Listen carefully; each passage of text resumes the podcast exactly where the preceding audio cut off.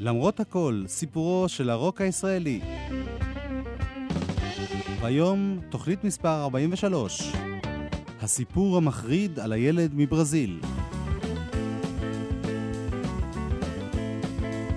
איתכם באולפן גלי צה"ל, הטכנאי שמולי קלדרמן, ואני יואב קוטנר, שעורך ומגיש. שנינו מקווים שתבלו ותהנו עם הסיפור המחריד על הילד מברזיל. בתוכנית היום אנחנו עם חברי להקת הנחל, שלוש שנים לפני הקמת כוורת. השיר שיפתח את התוכנית הוא אחד הלחנים המוקדמים של דני סנדרסון, סוף 1970.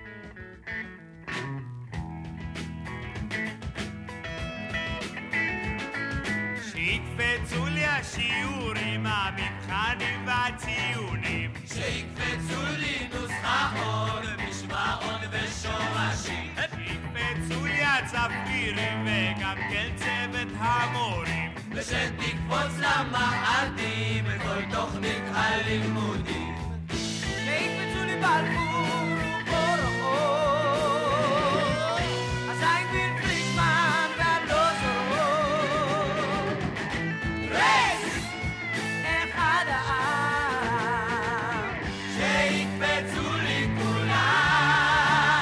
להקת כוורת יצאה לאוויר העולם בתחילת 1973, אבל ההתחלה שלה הייתה ארבע שנים קודם לכן בלהקת הנחל. זה קרה במפגש בין דני סנדרסון, אלון אולארצ'יק, מאיר פניגשטיין, אפרים שמיר וגם גידי גוב. שם נוצרה החברות שהביאה להקמת הלהקה, ושם נוצרו חלק מהדמויות, המערכונים והשירים הראשונים של כוורת.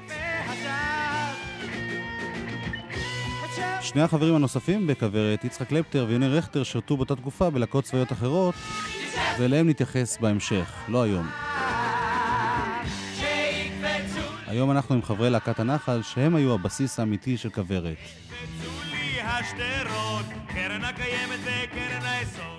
את דני סנדרסון שמענו כגיטריסט מיוחד ומעניין לא רק בלהקת הנחל, הגיטרה שלו, להזכירכם, נשמעה גם בשלושרים, ביחד עם הבאס של אלון אולארצ'יק והתופים של מאיר פניגשטיין, גם בגשש החיוור, בפסקול הסרט לופו ובעוד הקלטות רבות. שיקפצו לי בלפור.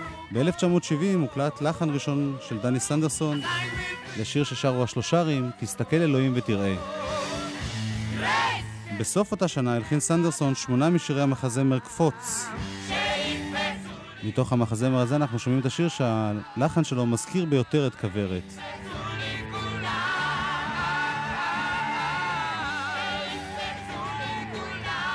סנדרסון היה המוזיקאי הבולט בלהקת הנחל, אבל לא האיש היצירתי היחיד בלהקה.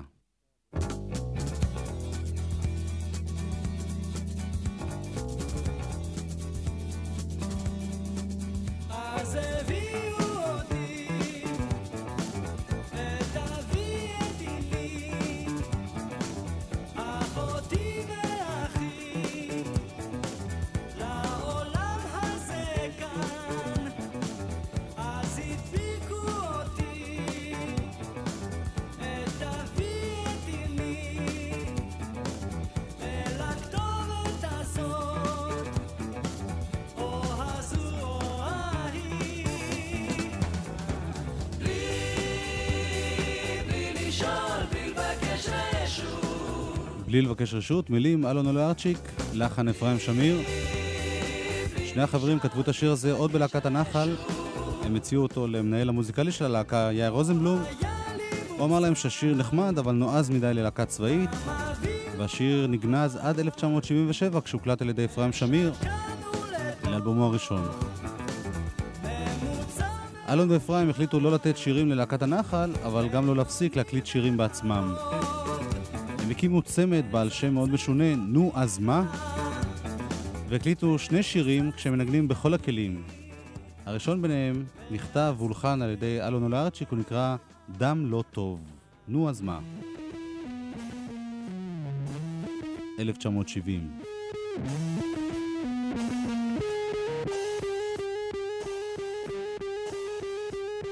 על גג הבית שמיל יושב על גג הבית רות יושבת חבל שלא נתנו לי גימל הייתי במיטה שוכב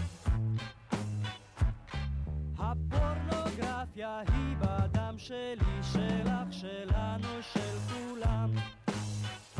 טה-נה-נה-נה-נה.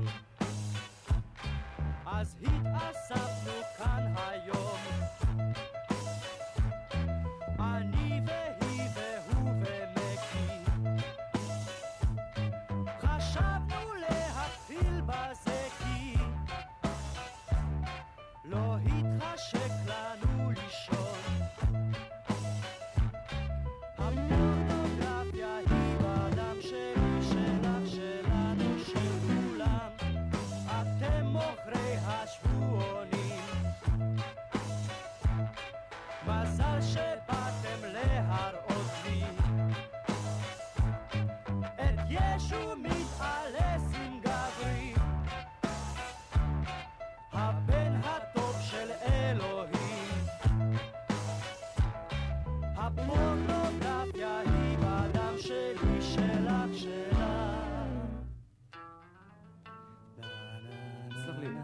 אתה ארכיטקט, אה, אני הייתי רוצה לשאול אותך משהו. אני- רוצה לבנות בית עם מיטות מאונחות, זאת אומרת, תלויות מהתקרה. כמובן, נשאלת השאלה, אפשר לשאול על זה, כן, זה בטח, אבל אה, אם זה אפשרי. מבחינת המקצוע שלך. דרך אגב, אה, דינה בבית,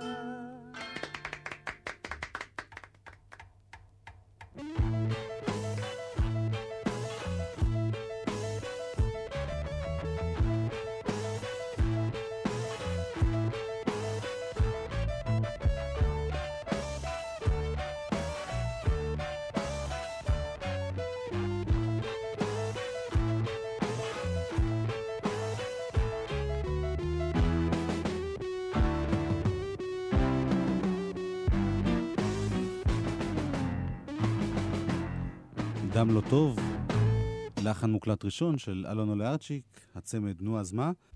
השיר הזה הושמע מעט לפני שצונזר בטענה שהוא עשוי לפגוע בנוצרים שנמצאים בארץ בגלל המשפט ישו מתעלס עם גברי.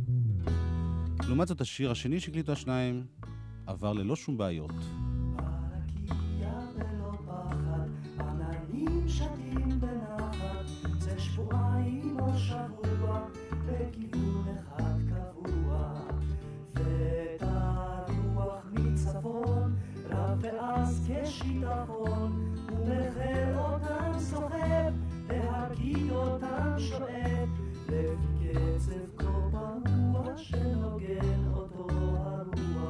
שמיר הלחין מילים של אמוץ ברונטמן, חבר להקת הנחל, סופה.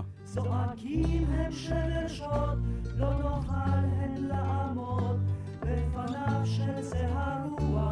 שבחוזק יד יפוע.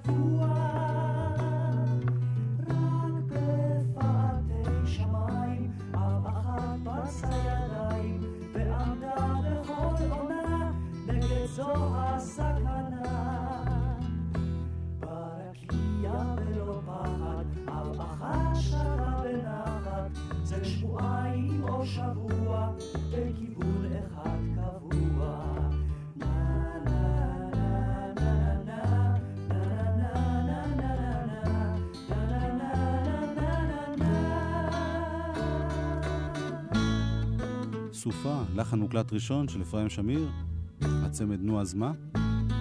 בעזרת קשרי משפחה הצליח אפרים שמיר לשכנע את חברת ליטרטון להוציא את שני השירים ששמענו בתקליטון. זה היה די מפתיע יחסית לתקופה, השירים האלה נשמעו אז מאוד מאוד נועזים.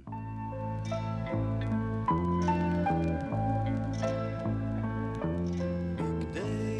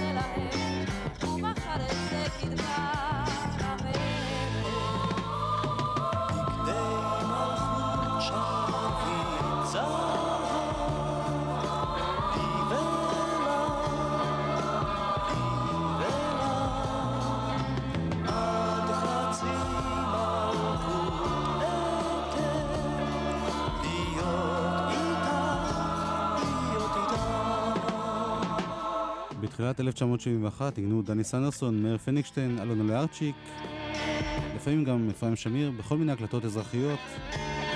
בין השאר בפסקול סדרת הטלוויזיה חדווה ושלומיק, עם הלהיטים ששר מירי אלוני, להיות לבד, והבלדה על חדווה ושלומיק. הם ניגנו גם בפסקול הופעות המחזמר ג'מבו, וכאמור בהרבה הקלטות נוספות.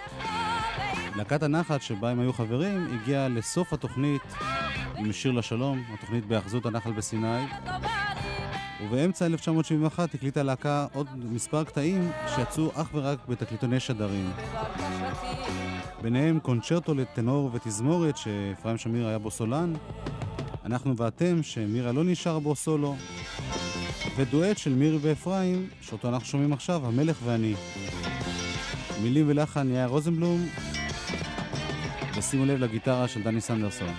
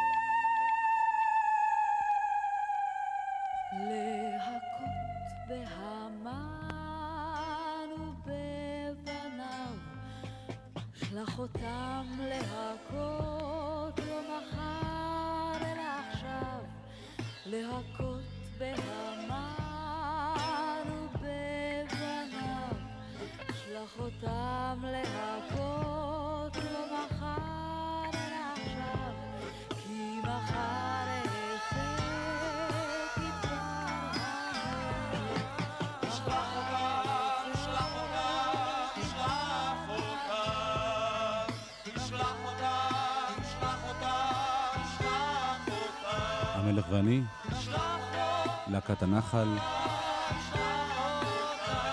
בקטע שנחשב כיום די נדיר, לא יצא בשום קומפקט.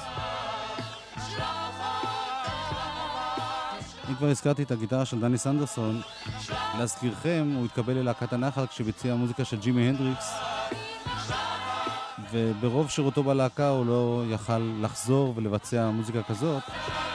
לעומת זאת, בהקלטות שנשמע עכשיו, קצת כן. לקטע הבא קוראים אספת גרעין. יאיר רוזנבלום כתב מילים והלחין, וקשה להאמין, אבל זוהי להקת הנחל. אספת גרעין פעם שלישית. חבר'ה, אחד גומרים את העניין. רגע אחד, רגע אחד, תנו לי לגמור. קודם כל בעניין המקהלה. בעניין המקהלה זה הכי דוחק, וזה פשוט לא ילך. אין שיעורי נהיגה, בטח שאין שיעורי נהיגה. במצב זה עכשיו אי אפשר... אל תפנו אליי בעניין זה. אני כבר מודיע שאני לא רואה איך נספיק לסרט. יש לנו 18 סעיפים לערב. חבר'ה, תהיו רגע אחד בשקט! 18 סעיפים וזה לא ילך ככה, אני כבר הודעתי לכם. זמננו קצר, את האולם צריך לפנות. צריך לפנות את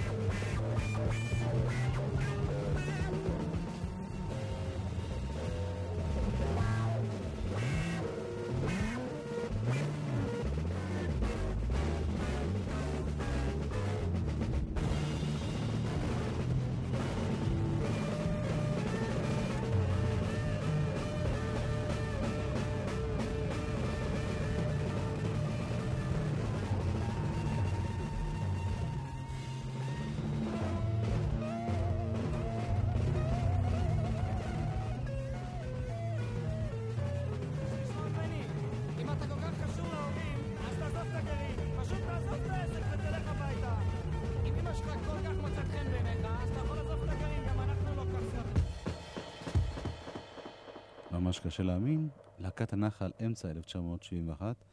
השיר היחיד מההקלטות האלה שזכה להצלחה רבה, להכרה, היה שיר שכתב יאיר רוזנבלום, שוב, מילים ומנגינה.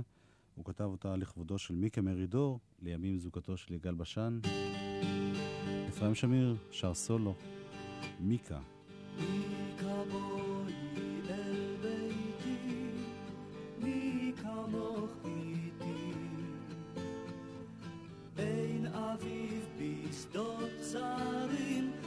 השירה מראש צמרות ביתי, כאלף מחזרים. מיקה בואי אל ביתי, מי כמוך איתי. אין אביב בשדות זרים, לך השירה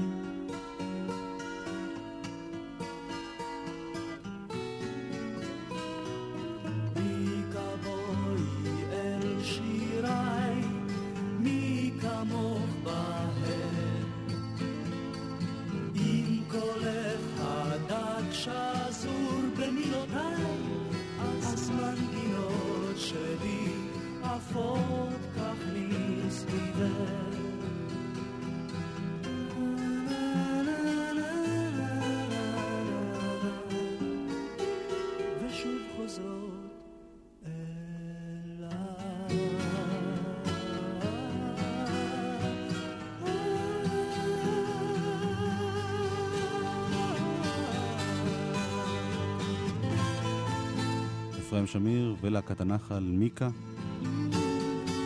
בעקבות השיר הזה הפך אפרים שמיר לשם מוכר. הראשונה שפנתה אליו, אחרי הצלחת השיר, הייתה נורית הירש, שהציעה לו לשיר את השיר שהלחינה לפסקול סרטו של מנחם גולן, כץ וקרסו. במקור היה אמור לשיר את השיר הזה בועז שרעבי, ואפרים שר על הפלייבק המוכן של בועז שרעבי. השיר שנקרא לעוף איתך לא הפך ללהיט גדול, אבל העניק לאפרים עוד קצת ביטחון ביכולתו לשיר בעברית. אני מזכיר לכם, אפרים היה עולה חדש וחשש שהעברית שלו לא נשמעת טוב. בעצם אפרים שמיר היה הראשון בין חברי כוורת שזכה להצלחה, לקריירת סולו, עוד לפני הקמת הלהקה. הנה השיר הזה, לעוף איתך.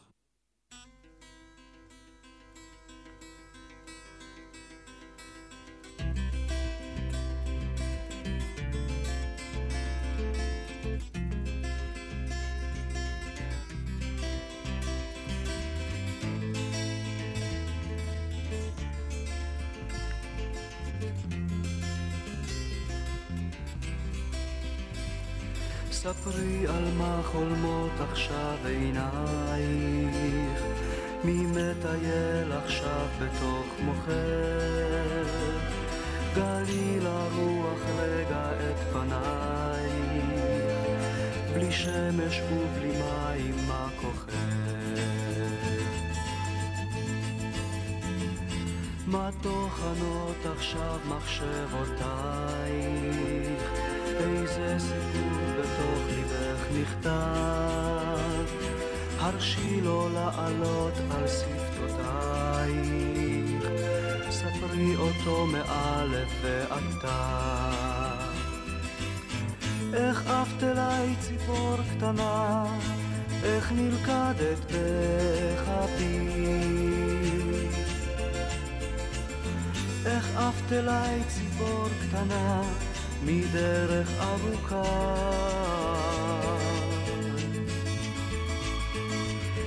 אם זוהי תחנת ביניים, למדי אותי לעוף בשניים, למדי אותי לפרוס כנפיים, לעוף איתם. אפרים שמיר בשיר של אהוד מנור ונורית הירש. אחרי שנגמרה התוכנית של להקת הנחל בהאחזות הנחל בסיני, הפכו דני סנדרסון, ירדנה ארזי, גידי גוב ואפרים שמיר לצוות הוואי נחל. הם הופיעו בהופעה אקוסטית וסנדרסון איבד לראשונה לחנים של מלחינים אחרים. במקביל, מחוץ לצבא, הקים דני סנדרסון להקה בשם השניצלים. הוא ניגן שם גיטרה ושר, ואיתו היו אלי מגן בבאס, דיוויד שנן בתופים, מדי פעם גם מאיר פניגשטיין או זוהר לוי בתופים, ואלון אולארצ'יק או אפרים שמיר בבאס. השניצלים הופיעו בעיקר בסופי שבוע בבתי ספר, במסיבות שונות, בעיקר בחומר של זמרים אחרים, להקות אמריקניות ואנגליות. סנדרסון התחיל אז גם לחבר שירים מקוריים לעצמו, והשניצלים אף הקליטו שני שירים באנגלית בעיבוד של נועם שריף. אחד מהם היה אמור להיות הלהיט, הרמן, הרמן, הגבר שלה הרמן. סנדרסון היה בטוח שהשיר הזה שהוקלט בעיבוד של נועם שריף כאמור יהיה להיט גדול, אבל איש לא זכר את השיר הזה והוא נעלם במשך השנים. רק לנועם שריף נשמרה הקלטה של השיר הזה, הרמן הרמן.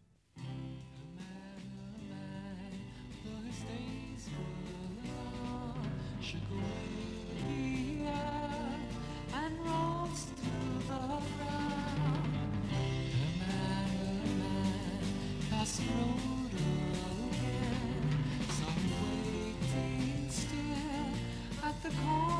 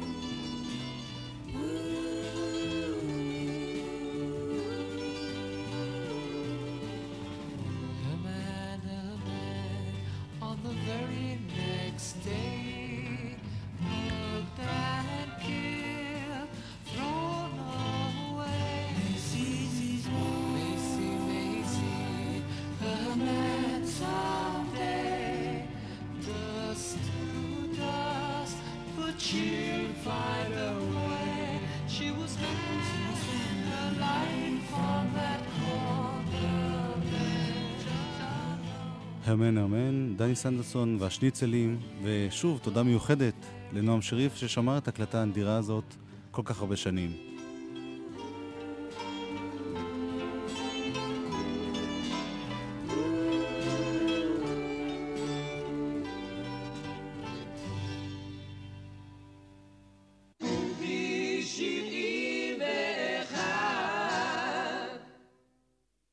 הראשון שחשף לקהל את ההומור המיוחד של דני סנדרסון וחבריו היה דורי בן זאב, שדרן גלי צה"ל. הייתה לו תוכנית שבועית בשם ממנו אלייך, תוכנית של דשים ובדיחות, וראש מיוחד מאוד של דורי בן זאב, שהיה ראש מהפכני במיוחד לתקופה ההיא. ובכל שבוע הוזמנו חברי מה שיהיה כוורת לתרום מערכונים מקוריים תחת הכותרת פינות פוגי.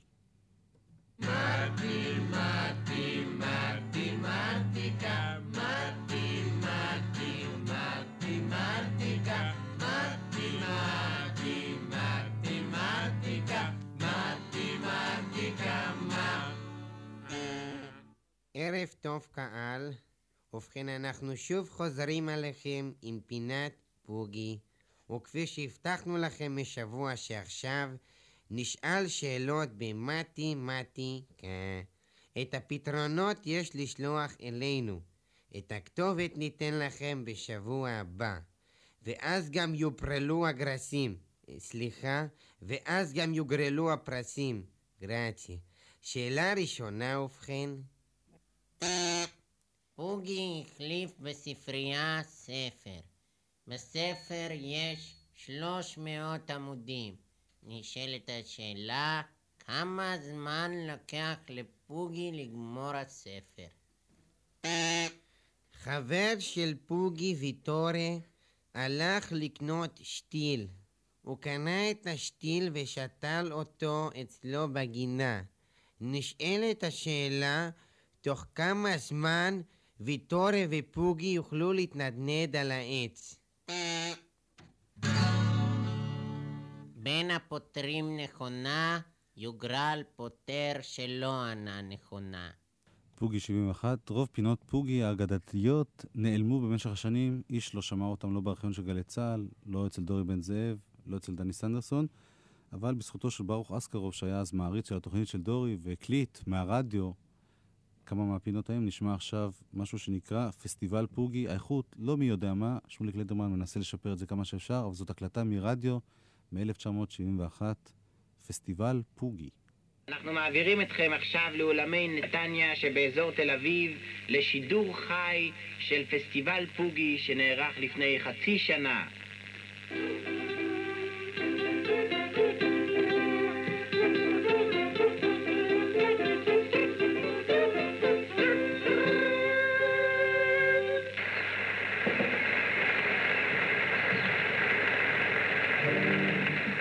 ערב טוב לקהל באולם ולמאזינים בחוץ. כאן פוגי. ובכן הערב נתבקשתי להנחות את פסטיבל פוגי שבט. וכידוע לכם נערך השבוע פסטיבל הזמר המזרחי. ולאור המצב ולאור הירח ולאור ייני שלא מופיע איתנו הערב, החלטנו שאנו גם חייבים לתרום לבידור השוטף את ארצנו.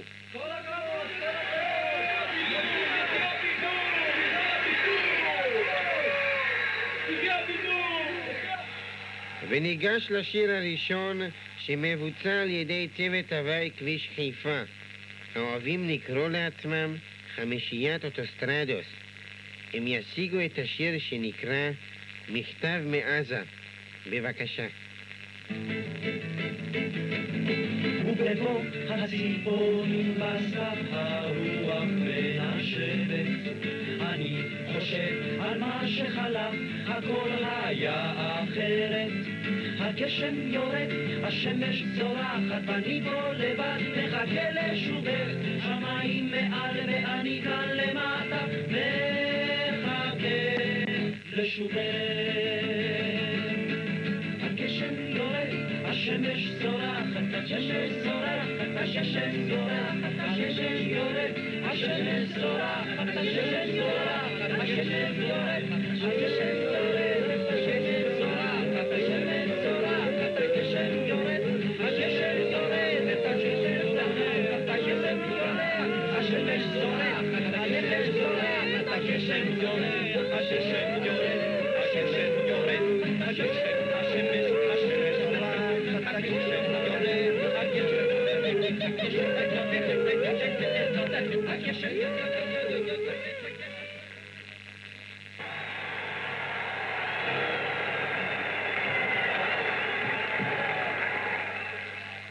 ובכן, התרשמנו.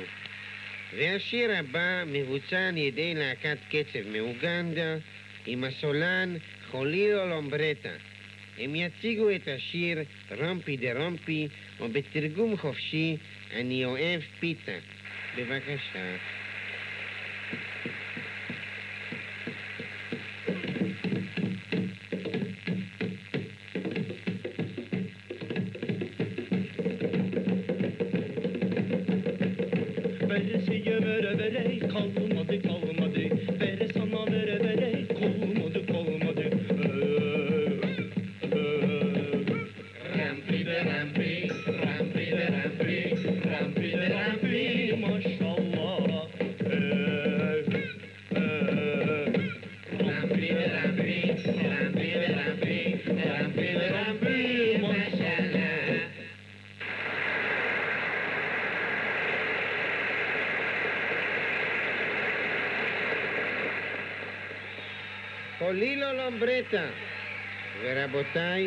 הפתעת הערב היא שלישייה חדשה שעונה לשם שלישיית רוח פרצים. כן? לא שום דבר, רק רגע. והם ישירו שיר נשמה, שמו דרך האף. בבקשה.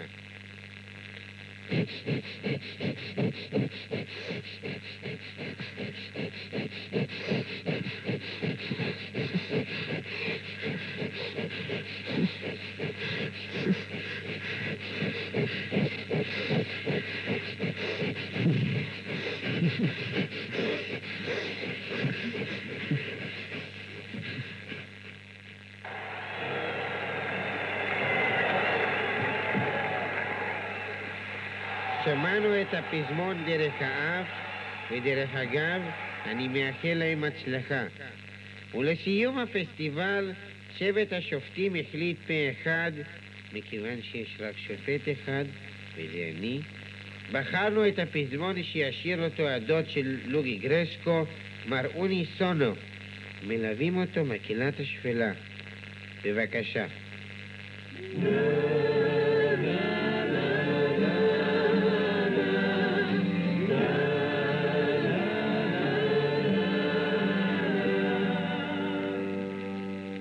היא בליבי עכשיו בתוך ליבי כמו הרבה סנני כמו הרבה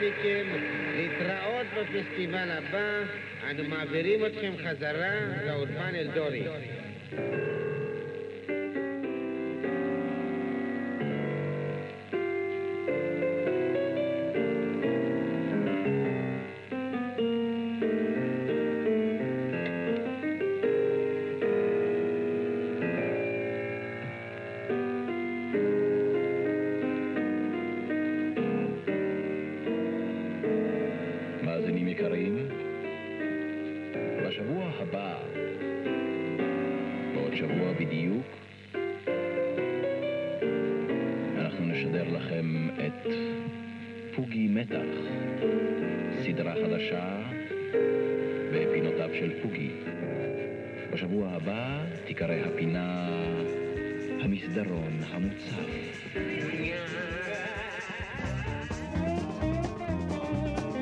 פסטיבל פוגי, הקלטה מאוד נדירה, 1971. שוב תודה לברוך אסקרוב. מזל שהיו אז מעריצים לדורי. באמצע 1971 הגיע מועד השחרור של מאיר פניגשטיין ואלון אוליאצ'יק מלהקת הנחל. בסוף השנה הגיע גם תורו של דני סנדרסון. לא בקלות ויתר צה"ל על שירותיו של סנדרסון, האגדה מספרת שאיימו עליו שאם הוא לא ימצא גיטריסט מחליף ברמתו, הוא לא ישתחרר לעולם. דני מצא את יהודה עדר, שאומנם לא היה גיטריסט ברמתו, אבל היה בעל טעם טוב ומלא רצון ללמוד.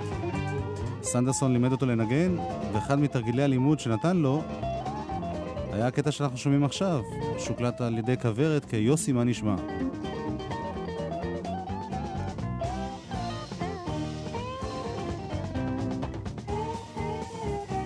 בסוף 1971 חיברו דני סנדרסון, אלון אוליאצ'יק ומנחם זילברמן יצירה בשם הסיפור המחריד על הילד מברזיל. הם הקליטו את היצירה הזאת תחת השם מקהלת השפלה בניצוחו של חולילו לומברטה ובהדרכתו. למעשה היה זה הרכב מורחב של השניצלים, להקתו של דני סנדרסון. סנדרסון בגיטרה ושירה, אלון אולאצ'יק בבאס ושירה, מנחם זילברמן בקריינות ושירה, מאיר פניגשטיין ודויד שנן בתופים. היצירה הזאת, שנמשכה 14 וחצי דקות, הייתה בעצם ההתחלה של האופרה סיפורי פוגי. סיפורי פוגי שאליהם נגיע עם הקמת כוורת ב-1973. מכאן ועד סוף התוכנית נשמע את היצירה המאוד מיוחדת הזאת, ולכוורת עצמה נגיע בעוד די הרבה תוכניות.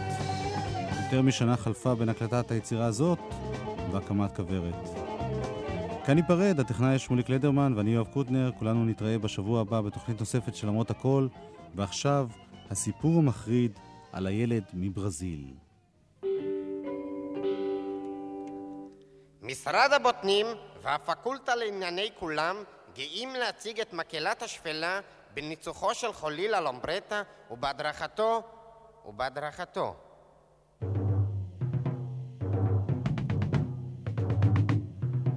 הסיפור המחריד על הילד מברזיל.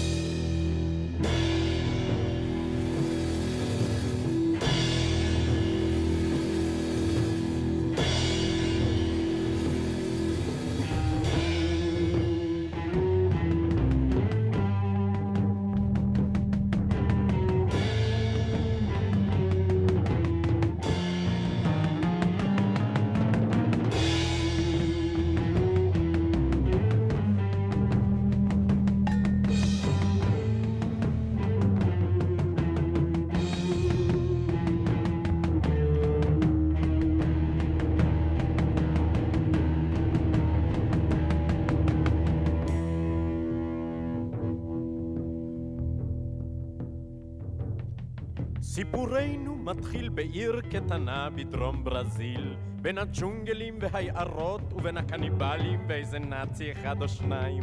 כן, חברים, בעיר קטנה זו, לחופו של הנהר בושיפו, נולד הילד מברזיל.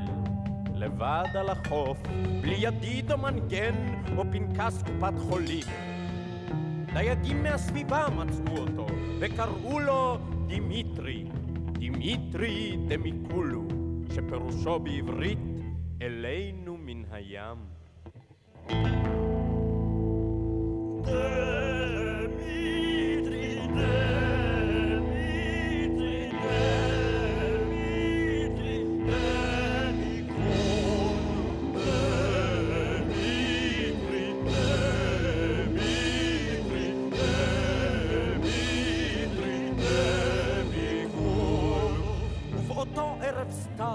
מקסים וצח, הבינו הדייגים שהוא לא סתם ילד, אלא שבירכתי ההריסה מסתתר יצור שבבוא היום יגדל ויגעיל ויקראו לו הילד מברזיל. הוא היה מזמר בחושך, הוא היה משפר הופעה, הוא היה מפוצץ קרנבלים, הוא היה מקלקל כל בדיחה. הילד מברזיל חשבו שהוא דביל, מכרו לו מסמרים במתנה. נה נה. הילד מברזיל עם ראש כמו ונטיל, מכר אבטיחים לו בעונה. מי כמונו מכירים את הפרובלמה? מי כמוהו מסתלק שמחכים? מי כמונו מפרידים את הדילמה? מי כמוהו מפריד בין יתושים? הם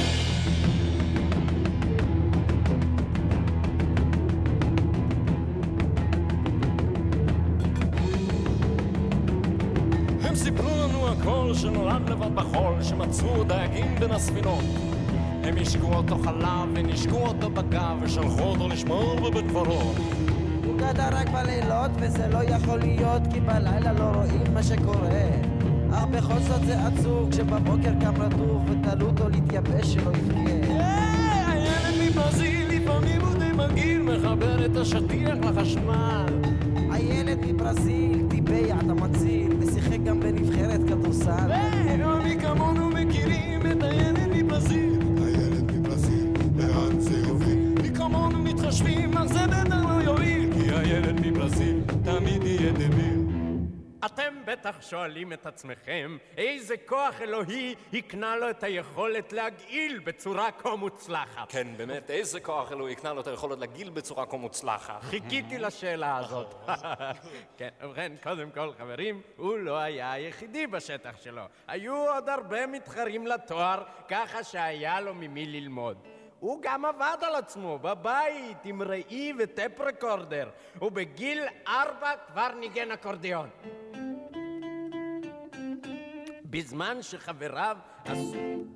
בזמן שחבריו עשו הצגות ומסיבות, הוא עשה עצבים. יש שאלות? כן! איזה דברים מגעילים הוא היה עושה? שאלה יפה מאוד, שאלה באמת יפה, כדאי לך לשאול אותה מדי פעם. אה, ובכן, הוא... איזה- איזה דברים מגעילים? מדי פעם. ובכן, לא התכוננתי להקדיש חודשים לנושא, אבל אם כבר שואלים, אז נתחיל מהקל אל הכבד, הקצוץ. אה? הוא היה אוכל את הציפורניים. כן, כן, הוא היה אוכל את הציפורניים אני ראיתי. הוא היה אוכל את... לך למקום של ה...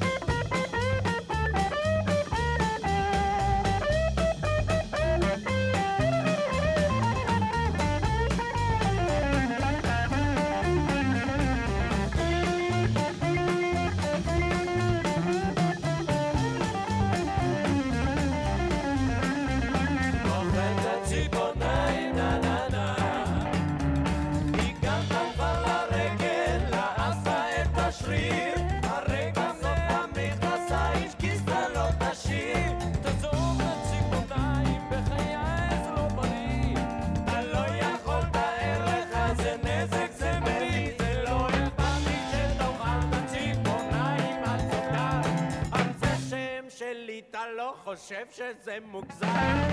אוכל ציפורניים, נה נה נה.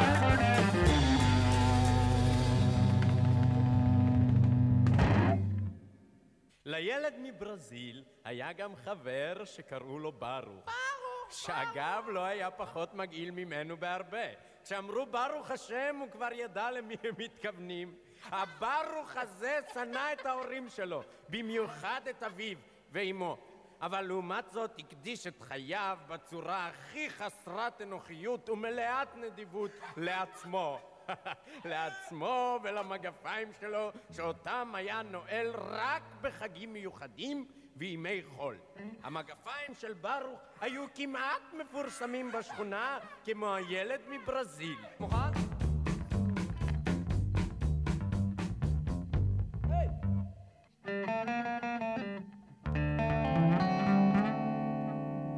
הוא קנה אותן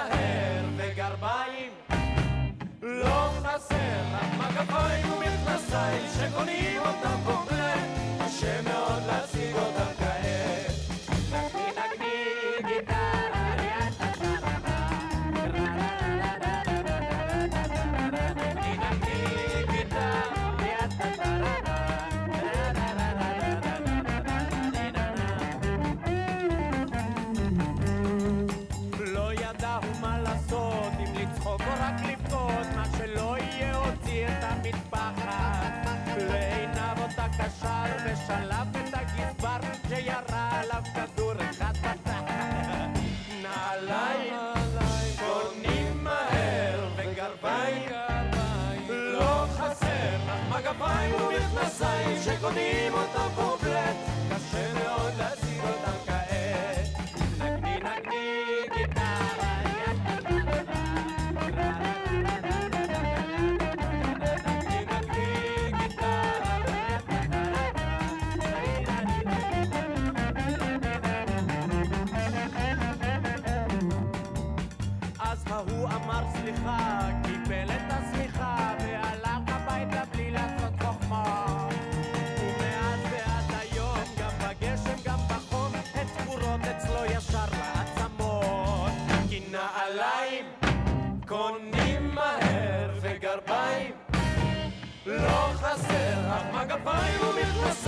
שקונים אותם קומפלט קשה מאוד להשיג אותם כעת. ואם אתה לא מאמין תשאל את ברוך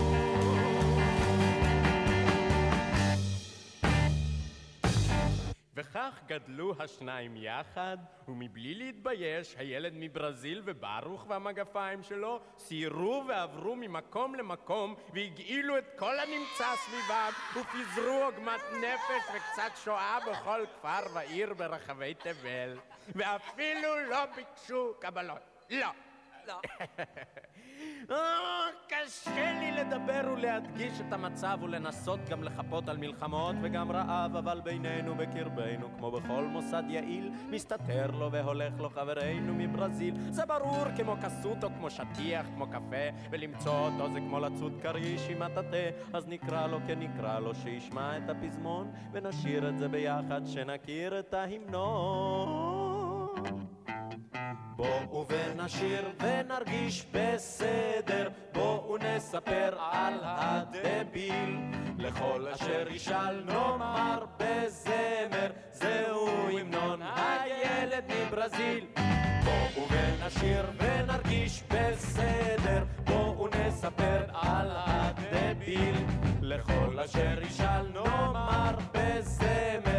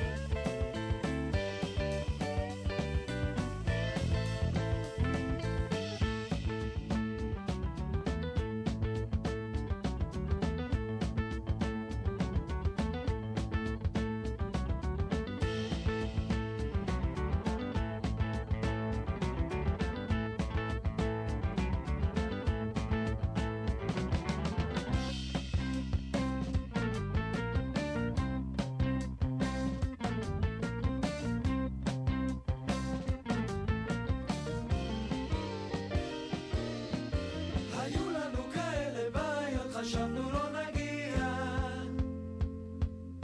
נסענו לכיוון הלא נכון באופן די מפתיע בין כל המישורים והדרכים אפשר היה לקבוע שנים ללא